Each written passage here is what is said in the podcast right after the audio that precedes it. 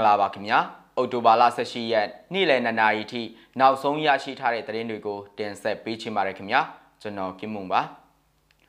ရခိုင်နဲ့မကွေးကြားစစ်ဆေးမှုတွေတင်းကျပ်တဲ့သတင်းဘလောမှာမုံလေးလုံးပောက်ကွဲခဲ့တဲ့သတင်းရန်ကုန်အမျိုးသမီးတပိတ်စစ်ကြောင်းခြေတက်ဆန္ဒပြခဲ့တဲ့အကြောင်း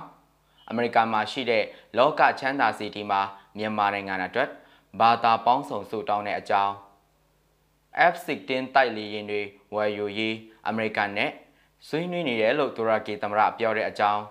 အဆရှိတဲ့သတင်းတွေကိုတင်ဆက်ပေးချင်ပါတယ်ခင်ဗျာပထမဆုံးသတင်းအနေနဲ့ရခိုင်ပြည်နယ်နဲ့မကွေးတိုင်းဒေသကြီးအကြားမှာစစ်ဆေးမှုတွေတင်းကျပ်လျက်ရှိပြီးကုန်စည်တင်ပို့ရမှာ6ဘင်းကားများသာတွာလာခွင့်ရတယ်လို့10ဘင်းနဲ့12ဘင်းယာဉ်တွေတွာလာခွင့်မရဘူးလို့ရေမောင်းသူတွေကပြောပါတယ်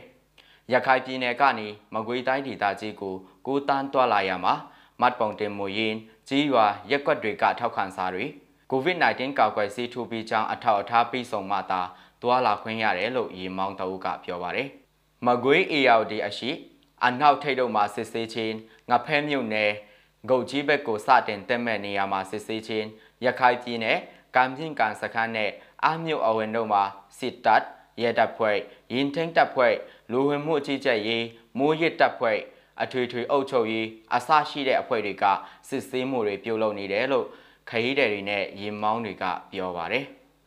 အသက်30ကျော်ကုန်တင်ကားမောင်းသူတအုပ်ကဒီလူမူရင်းကာလမှာ6ဘင်းကားတွေလည်းတက်ခွင့်ရသေးတယ်။10ဘင်း12ဘင်းကားတွေကပွင့်လင်းရာသီရောက်မှတက်ခွင့်ရတာ။အခုကာလမှာအစစ်အစိကလည်းအရင်တင်းကျပ်တယ်။စားသုံးစီများများတဲခွင့်ယူခွင့်ဟင်းချူမုတ်တို့တဲယူလို့မရပါဘူး။ အပြန်ကုန်မရလို့ခါလီပြန်ရတာတွေလည်းရှိတယ်လို့ပြောပါတယ်။ရခိုင်ပြည်နယ်အာမြုပ်အဝင်ကျွတရာကိုဖျက်တမ်းရန်ဂုံအလီချိန်တတ်မှတ်ချက်ရှိသဖြင့်ဂုံစီများကို ထော်လာကြီးကားများကားငယ်များနဲ့တစည်းမှတစည်းတစိမ့်ကဲ့၍တဲခဲ့ရခြင်းဂုံတင်ဂုံချလို့သားအခက်ခဲဖြစ်ခြင်းတို့ကြောင့်၃ရက်အထိကြာပြီးမူးရွာသွန်းများ၍တောင်ကပယံများပြူကျမှုများဖြစ်နေပါကရက်ပူ၍ကြာရှိတယ်လို့ဆိုကြပါတယ် လမ်းပန်းဆက်သွယ်ရေးအနေနဲ့လဲမကွေးတိုင်းနဲ့ရခိုင်ပြည်နယ်အစပ်အထိလမ်းကောင်းမွန်ပေမဲ့လဲရခိုင်ပြည်နယ်ထဲကိုဝင်ရောက်တဲ့လမ်းမကြီးချင်းမြောင်းချင်း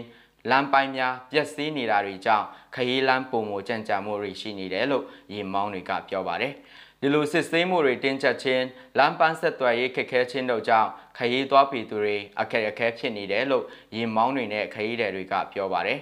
အထူးသဖြင့်မိုးရွာသွန်းမှုများတဲ့အခါတောင်ကပယံတွေပြိုကျမှုဖြစ်တယ်လို့စီးတဲပုတ်စားရင်အချို့လမ်းချော်ပြုတ်ကြတာခရီးသည်ရင်တွေအချို့တောင်ကပယံတွေကိုဝန်တိုက်ပြက်စီးတာတွေရှိနေတယ်လို့ရင်မောင်းသူတွေကပြောကြပါတယ်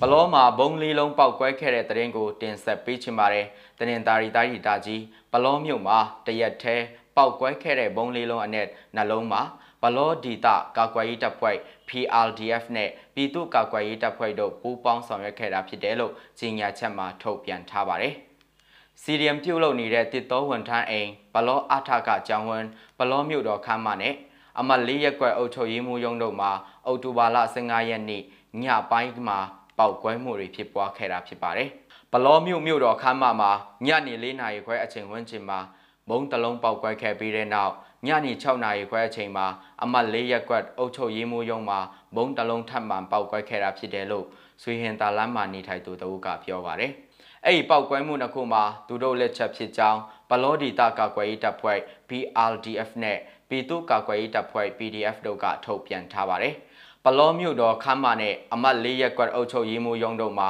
ပောက်ကွဲမှုနှစ်ခုဖြစ်ပွားပြီးခဏအကြာမှာ စစ်ကောင်စီတပ်ဖွဲ့ဝင်များရောက်ရှိလာပြီးတမျိုးလုံးနှီးပါကိုလည်းလိုက်လံရှာဖွေစစ်ဆေးမှုတွေပြုလုပ်ကာတနက်ပစ်ဖောက်မှုတွေလည်းရှိခဲ့တယ်လို့ဒေသခံတွေကပြောပါတယ်။ခမ်းမပောက်ကွဲပြီးကလေးကမြို့ပေါ်အသွာလာတွေမရှိကြတော့ဘူး။လမ်းတွေမှာရှင်းလင်းသွားတာစစ်တပ်ကသူတွေနဲ့ရဲတွေမိတပ်တွေလုံခြုံရေးချထားတာတွားကြည့်ဖို့နေနေတာသာပြည်သူတွေကအိမ်ထဲမှာပဲကြောက်ပြီးနေကြရတာလို့ဒေတာခန်တူကပြောပါတယ်။ ပောက်ကွဲမှုဖြစ်စဉ်တွေကြောင့်လူနဲ့တရိษံများတဆုံတရာထိခိုက်ဒဏ်ရာရရှိမှုမရှိခဲ့ပေမဲ့မြို့တော်ခမ်းမတွင်ပျက်စီးမှုအနည်းငယ်သာရှိခဲ့ပြီးဖမ်းဆီးစစ်ဆေးခံရသူတအုပ်တယောက်မျှမရှိသေးဘူးလို့လည်းသိရပါတယ်။စီရီယမ်ပြုတ်လုံနေတဲ့တစ်တော်ဝန်ထမ်းအိမ်နဲ့ဘလောအားထကကျောင်းဝမ်းမှာဖြစ်ပွားခဲ့တဲ့ပောက်ကွဲမှုဟာ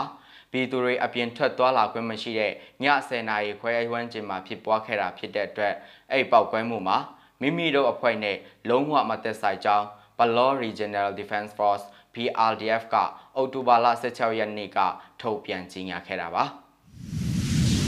နောက်ထပ်တင်ဆက်ပေးခြင်းတဲ့တရင်ကတော့ရန်ကုန်တိုင်းတင်ကန်းကျွန်းမြို့နယ်မှာအမျိုးသမီးတွေဦးဆောင်ပြီးဒီနေ့အောက်တိုဘာလ18ရက်နေ့နေ့ပိုင်းမှာခြိတက်ဆန္ဒပြခဲ့ကြပါတယ်။တိုက်ရဲလားတိုက်ရဲတယ်တီရဲလားတီရဲတယ်ဆိုတဲ့စာသားကြိုက်ဆောင်ပြီးတော့စစ်အာဏာရှင်စနစ်အမြင့်ဖြတ်ချေမှုန်းဖို့ရန်ကုန်အမျိုးသမီးတပိတ်စစ်ကြောင်းခြိတက်ဆန္ဒပြတောင်းဆိုခဲ့ကြပါတယ်။ ဆက်လက်တင်ဆက်ပေးခြင်းတဲ့သတင်းကတော့အမေရိကန်နိုင်ငံရောက်မြန်မာနိုင်ငံသားတွေက New Jersey ပြည်နယ် New Jersey လောကချမ်းသာစီတီတော်မှာအမြင့်မြန်မာပြည်ငိမ်းချမ်းစေရန်ရည်ဆိုပြီးစီမီကိုတောင်းပူဇော်ကဘာသာဆောင်တိုင်းရင်းသားများကပါဝင်ဆင်နွှဲခဲ့ကြောင်းသိရပါတယ်။အောက်တိုဘာလ18ရက်ညပိုင်းကတရင်ကြွအထက်မှနေနဲ့စီမီပူဇော်ထွန်းငှေ့ကြခြင်းဖြစ်ပြီးအခုဆူတောင်းပွဲမှာစထုထအကြိမ်မြောက်ဆူတောင်းပွဲဖြစ်ခဲ့ကြောင်းသိရပါတယ်။ လူမျိုးဘာသာမရွေးစားသုံးနိုင်ဖို့စတုဒေတာပွဲလာရောက်လူဒန်းသူအလိုစင်ဆယ်ဦးခန့်နဲ့ဘာသာပေါင်းဆောင်တိုင်းရင်းသားငင်အကူမောင်နှမများ950ကျော်ပါဝင်စုတောင်းကုသိုလ်ယူကြပါတယ်။မာပြည်အမြန်ဆုံးငင်းချမ်းပါစေမင်းဆိုမင်းတဲ့ကနေမှအမြန်ဆုံးလူမြောက်ပါစေအားလုံးကျန်းမာကြပါစေချမ်းသာကြပါစေကိုဗစ်ကပ်ဘေးကလည်းကင်းလွတ်ကြပါစေလို့လူမျိုးစုတောင်းဖို့အတွက်အာ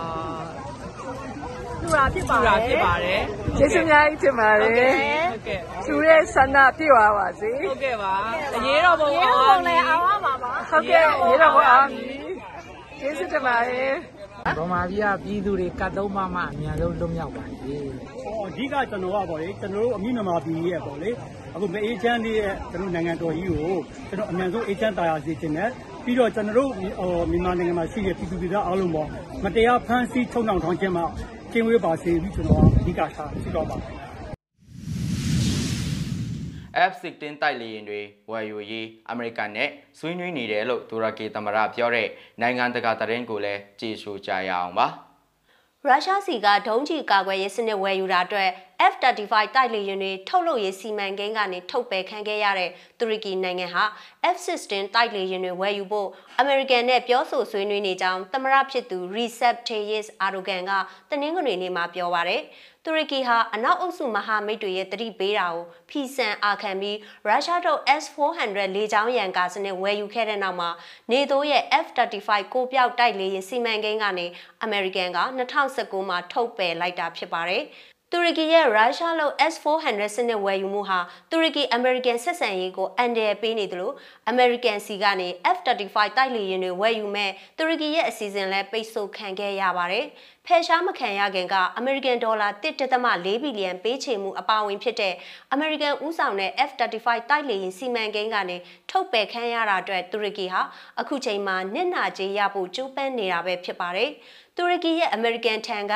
F-16 တိုက်လေယာဉ်တွေဝယ်ယူမှုဟာ F-35 အရေးကိစ္စနဲ့လည်းပတ်သက်တယ်လို့အာဖရိကခီးစဉ်အတွက်လေယာဉ်ပေါ်မတက်မီအစ္စတန်ဘူလလေဆိပ်မှာအာဒိုဂန်ကသတင်းထောက်တွေကိုပြောပါရယ် ကျွန်တော်တို့နိုင်ငံကာကွယ်ရေးအတွက်လိုအပ်ချက်တွေကိုဖြည့်ဆည်းနိုင်ဖို့လိုအပ်သမျှဆွေးနွေးနေတယ်လို့ကျွန်တော်ပြောလိုပါတယ်ဆိုပြီးအာဒိုဂန်ကရေရင်တူရကီဟာနိုင်ငံရဲ့စစ်လေယာဉ်အုပ်စုကိုခက်မြအောင်လှုပ်ဆောင်နေတယ်လို့ဖြစ်ဆွဆိုပါတယ်။ဒါပေမဲ့အမေရိကန်အနေနဲ့ကခုလိုစစ်လေရင်ရောင်းချတာမျိုးကိုကွန်ဂရက်လွှတ်တော်ကအတီးပြုမှရောင်းချနိုင်တာဖြစ်ပါတယ်။လွှတ်တော်မှာကတူရကီကိုဆန့်ကျင်တဲ့သဘောထားဟာမြင့်တက်နေတာလည်းဖြစ်ပါတယ်။ ရုရှားစီကနေ S400 ဒုံးကျည်ကာကွယ်ရေးစနစ်ဒုတိယအတုပ်ကိုတူရကီကဝယ်ယူဖို့ပြင်ဆင်နေတယ်လို့ပြီးခဲ့တဲ့လမှာအာဒိုဂန်ကပြောထားပါတယ်။တကယ်လို့ရုရှားထံကနေလက်နက်တွေပိုဝယ်ယူရလို့အပြန်အလှန်ဆက်ဆံရေးအတွက်ထပ်ပြီးဘေးများလိမ့်မယ်လို့အမေရိကန်ဟာတူရကီကိုတတိပေးထားပါတယ်။ အမေရိကန်အနေနဲ့တူရကီကိုနှစ်နာကြီးဒေါ်လာ1.4ဘီလီယံပေးဖို့လိုတယ်လို့